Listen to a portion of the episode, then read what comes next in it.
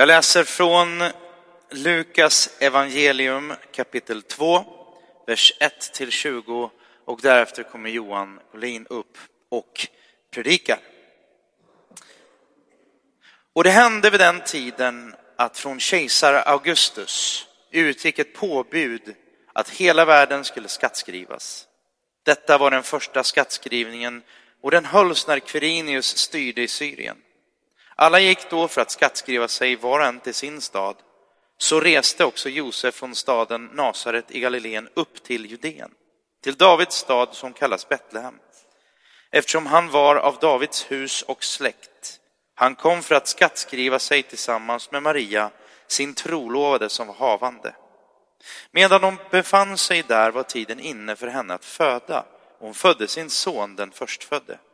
Hon lindade honom och la honom i en krubba eftersom det inte fanns plats för dem i gästrummet. I samma takt, trakt fanns några herdar som låg ute och vaktade sin jord om natten. Då stod en Herrens ängel framför dem och Herrens härlighet lyste omkring dem och de blev mycket rädda. Men ängeln sa, var inte rädda, jag bär bud till er om en stor glädje för hela folket. Idag har en frälsare fötts åt er i Davids stad. Han är Messias, Herren. Och detta är tecknet för er, ni ska finna ett nytt barn, nyfött barn som är lindat och ligger i en krubba. Och plötsligt var där tillsammans med ängeln en stor himmelsk här som prisade Gud. Ära åt Gud i höjden och frid på jorden bland människor som han älskar. När änglarna hade lämnat dem och återvänt till himlen sa herdarna till varandra, vi måste gå in i Betlehem och se det som har hänt och som Herren låtit oss veta. De skyndade iväg och fann Maria och Josef och barnet som låg i krubban. När de hade sett det berättade de vad, de hade, vad som var sagt till dem om detta barn. Alla som hörde det förundrades över vad herdarna berättade för dem.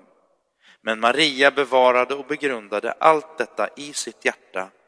Och herdarna vände hem och prisade och lovade Gud för, att, för allt de fått höra och se, just så som det hade blivit sagt till dem. Detta är Guds ord till oss idag. Varsågoda och sitt och välkommen Johan. Eh, som präst så får jag ibland frågan vad gör du när det inte är söndag? Vad är det för en slags fråga egentligen? Försöker de antyda något? Att jag bara sitter och fikar? Svaret är att jag gör väldigt mycket, ska ni veta. Men det skiljer sig lite åt eh, beroende på vilken församling man arbetar i. Eh, innan jag kom hit till Sankta Clara så var jag i Kalmar och där finns det ett jättevackert slott, kanske ni vet, med en slottskyrka som det är väldigt eh, populärt att gifta sig i. Faktum är att eh, Slottskyrkan där konkurrerar med Seglora kyrka på Skansen om att vara populärast i, i Sverige. Så jag har haft ganska många vigslar.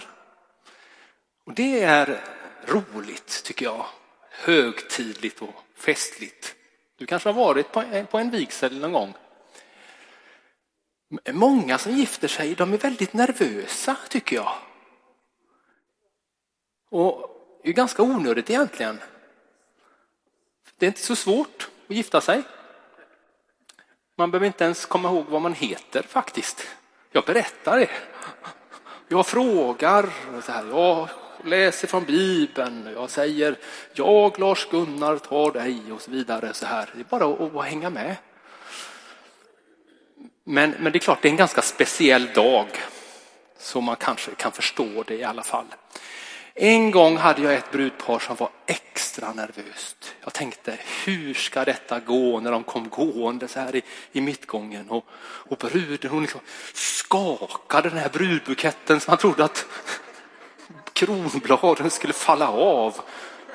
Och brudgummen han hade något slags tics för sig. Han, han knixade till med benet här. Liksom så här. Men eh, jag körde ju på som, som vanligt där och läste här ur kyrkohandboken och sådär. Och det, det, gick, det gick bra. De sa ja. De tog sig igenom sina löften. Och sen kommer ju då det här momentet där jag ska få ringen och, och be och välsigna den då. Så jag, jag tittar på brudgummen. Han vänder sig till marskalken som står bakom.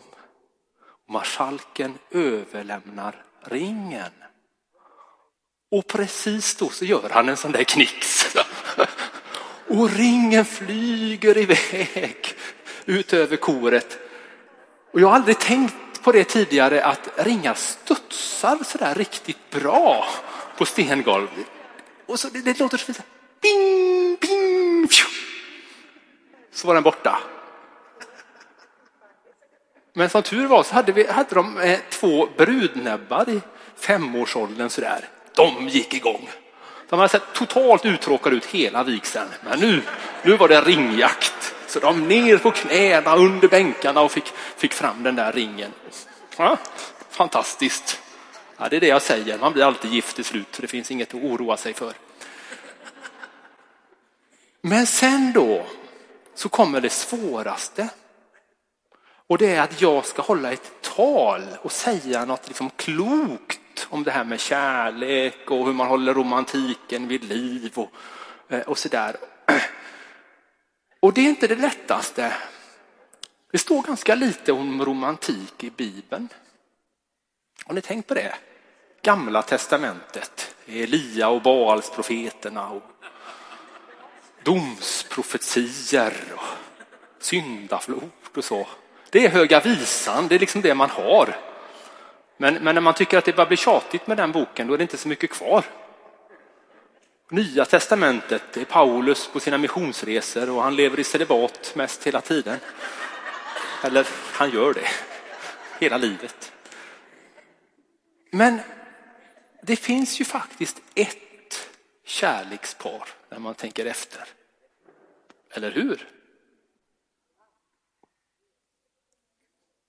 Kom igen nu, det här är ju, det är ju jul. Julevangeliet. Josef och Maria. Nu har de en lite tuff start på sin relation, eller sin trolovning ser det ut som. Eh, och då tänker jag på det här med att eh, Maria är med barn. Sådär lite hux flux. Hur berättar man det? Egentligen. Jag kan tänka mig att de träffades en kväll och Josef han kommer och så säger han till Maria. Åh Maria, det var så länge sedan vi träffades. Jag har något stort att berätta. Jag har talat med far. Jag får ta över gården. Eller, eller eh, jag får ta över snickerifirman. Nu har vi en framtid tillsammans. Hur har din dag varit? Bra. Ja, vad har du gjort? So, sopat lite och sådär. Sopat huset. Ja, har det hänt något speciellt? Nja. Har jag sagt att jag är med barn förresten? Jag vet inte om jag, om jag, om jag har berättat det. Mm. Står det, om man läser i Matteusevangeliet, det läste vi inte här, att, eh, att Josef faktiskt var en väldigt fin man. Nästan lite romantiskt att läsa att han då ville skilja sig från henne i tysthet för att inte dra vanära över henne. Men så får han en uppenbarelse, han ser en ängel i en dröm som talar om att det är sant det Maria berättar. Eh, och så blir allting bra. Fast fortsätter man att läsa så är det ändå inte så där mycket romantik. Det är inte som man är van vid, som man tänker sig. Semesterresor till Maldiverna eller Thailand, månskinspromenader, eh, romantiska middagar. De gör faktiskt bara en enda resa vad jag vet. Och då går de till fots i 12 mil från Nasaret till Betlehem. Och när de kommer fram har de glömt att boka hotellrum. Och inte nog med det, innan de vet ordet av så är de förföljda av en maktgalen kung. Men de tar sig igenom det där. Eller hur? Jesus föds i det där stallet och väcker stor uppståndelse och uppmärksamhet. Herdarna får änglabesök och kommer dit. De flyr till Egypten. De kommer till Jerusalem och, och, och eh, eh, kommer till templet och tackar för Jesus. Och så kommer de hem till Nasaret igen. Och då vill jag gärna tänka mig att det blev tid för lite romantik också. Han var ju snickare Josef. Kan man inte tänka sig att han gjorde historiens första vedeldade tunna? Och så låg de där ute, han och Maria under stjärnorna, höll om varandra. Och så sa de till, till varandra, men det är ju helt galet det har vi varit med om. Och så mindes de de här österländska stjärntydarna, flykten, herdarna. Hanna och Simeon, de här två gamla människorna i templet som profeterade över, över Jesus. Och så tänkte de, vad ska det bli av det här barnet en gång? När han blir stor. Och så sitter vi här idag, 2000 år senare. Vi läser julevangeliet, vi firar advent och väntar på julen. Vi går på adventskonsert och äter julbord och, och pyntar våra hem. Betyder detta något för oss eller är det bara en fin berättelse som vi läser varje jul? När vi läser evangelierna om att Jesus växer upp och träder fram i offentligheten så är det som att en bomb briserar. Han får omedelbart ett oerhört genomslag. Det står 30 gånger i evangelierna att människor häpnade när de träffade Jesus. Och det var inte bara för att han botade eh, sjuka utan de häpnade över hans undervisning. Aldrig har någon talat som, som han, sa de. Det skakade om deras liv totalt. Och människor fick ett, ett nytt. Jag fick en ny glädje, en ny vilja och förmåga att leva ett bättre liv, ett godare, godare liv. Jag brukar tipsa, om man, är, om man inte har läst så mycket Bibeln så kan man läsa Markus evangeliet bara de två första kapitlerna för att se att det här är precis vad som, vad som händer. Och så sitter vi här idag igen, så många år senare. En del säger så här att ja, men Jesus han var en, en, en god människa. Han var klok. Han hade en del eh, moraliska tips. Och, mm, och, levnadsregler så här som man, som man kan leva efter och ta till sig. Och sen så vet jag inte om det är så värst mycket mer. Men faktum är att Jesus har väldigt lite levnadsregler som man liksom kan rycka loss ur evangelierna. Allt han säger och undervisar om knyter han till sig själv. Han säger kom till mig ni som är tyngda av bördor så ska jag skänka er vila. Och så säger han eh, till dem som tycker att livet känns tomt, meningslöst, som känner att det måste finnas någonting mer i livet. Säger han, jag är livets bröd. Till de som känner sig ensamma, svikna,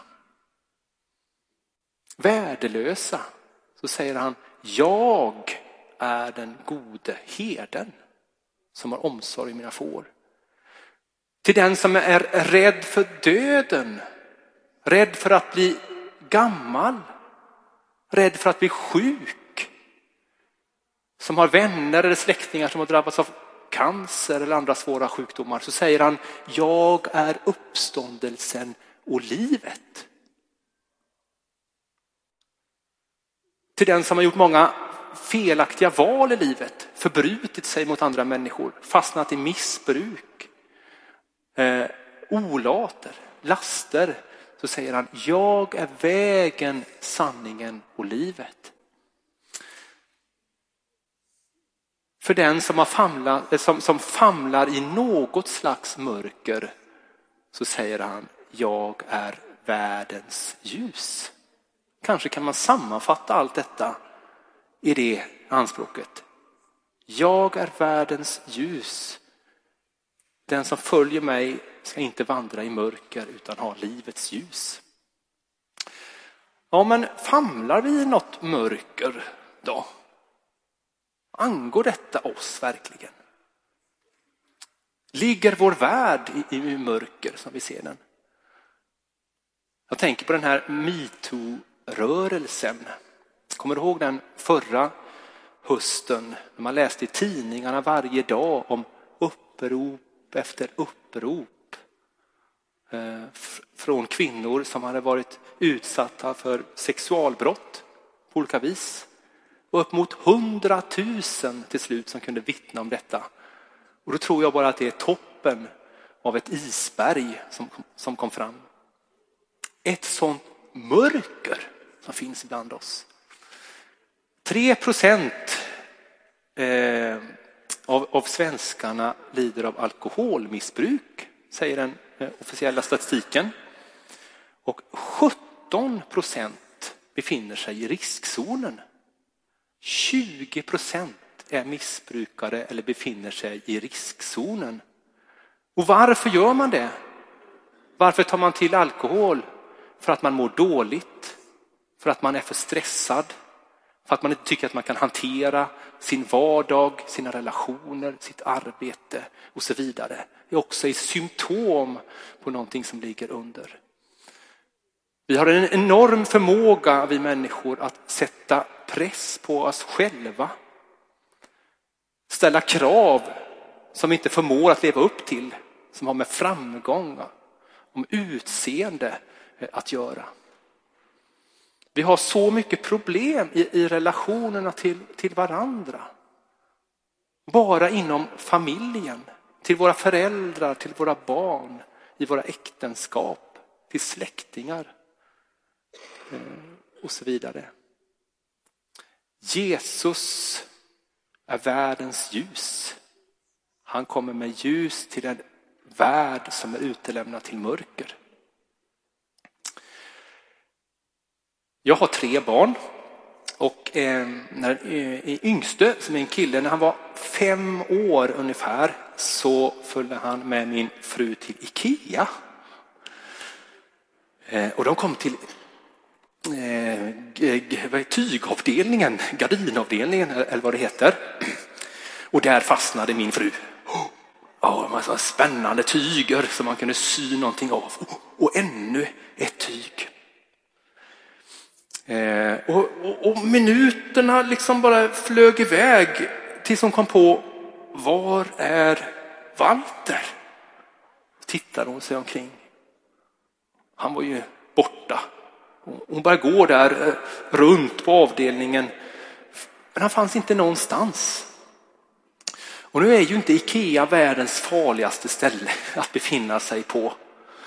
Men om du, om du har barn eller står något barn nära kanske du kan känna igen den där känslan av obehag när ett barn är borta och man vet inte, men vem, vem har ansvar för det här nu då? Och, och, och vart, vart tog det vägen? Så hon gick naturligtvis fram då till en av de här stationerna man har på varje avdelning och, och till en anställd och så sa hon det, min son är borta, jag kan inte hitta honom. Och då så eh, tog hon tag i mikrofonen, den här kvinnan, och så sa hon kod 99. Ropade hon ut. Och sen så frågade hon hur då eh, eh, Walter, som han heter, hur, hur, han var, hur han var klädd ungefär, hur han såg ut. Och så rapporterade han ut det också. Eh, och sedan så vände hon sig då till min fru och så sa, han, sa hon att nu har vi stängt alla utgångar så att ingen kan, kan smita ut utan att vi ser det.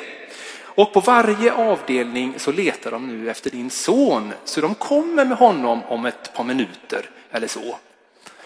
Och så gick det ett par minuter och så kommer det en sån här gulklädd anställd person då med Walter i handen. Han har ju inte förstått att han har varit borta. Han har varit och vält några krukväxter eller något sånt här. Han är fortfarande glad. Eh, eh, och min fru kan liksom andas ut av lättnad. Evangeliet handlar om att Gud har ropat ut kod 99. För att han till varje pris vill hitta dig. Att han vill komma med ljus till den här, till den här världen. Och till sin hjälp har han alla Ikea-anställda. Nej, men han har sina änglar som gläds varje gång ljuset når fram till en, till en människas liv. Det är så här med kyrkan att det är så bra att man, man kan komma om man är kristen. Man kan komma även om man inte tror på Gud eller man kan tänka precis som man vill. Man är ändå, eh, ändå välkommen. Jag har, en, jag har en, eh, en bekant som är ateist. Det upprepar han ofta. Men, men han dyker upp i kyrkan ibland. Ändå. Eh, en gång så, så, så, såg jag honom, det min, min fru, som, ja, min fru är också präst, där hon jobbade. Jag kom in i församlingshemmet och det är en ganska lång korridor och jag får syn på honom i andra änden. Jag ska precis ropa hej, men han hinner före. Och han ropar högt och tydligt. Jag är hittvingad. För då var det sån här barngudstjänst med lite pyssel och där man fick mat efteråt. Och, och hans fru hade sagt att jag tar barnen till barngudstjänsten och vi äter där. Om, om du, du kan vara hemma om du vill, men då får du laga mat själv.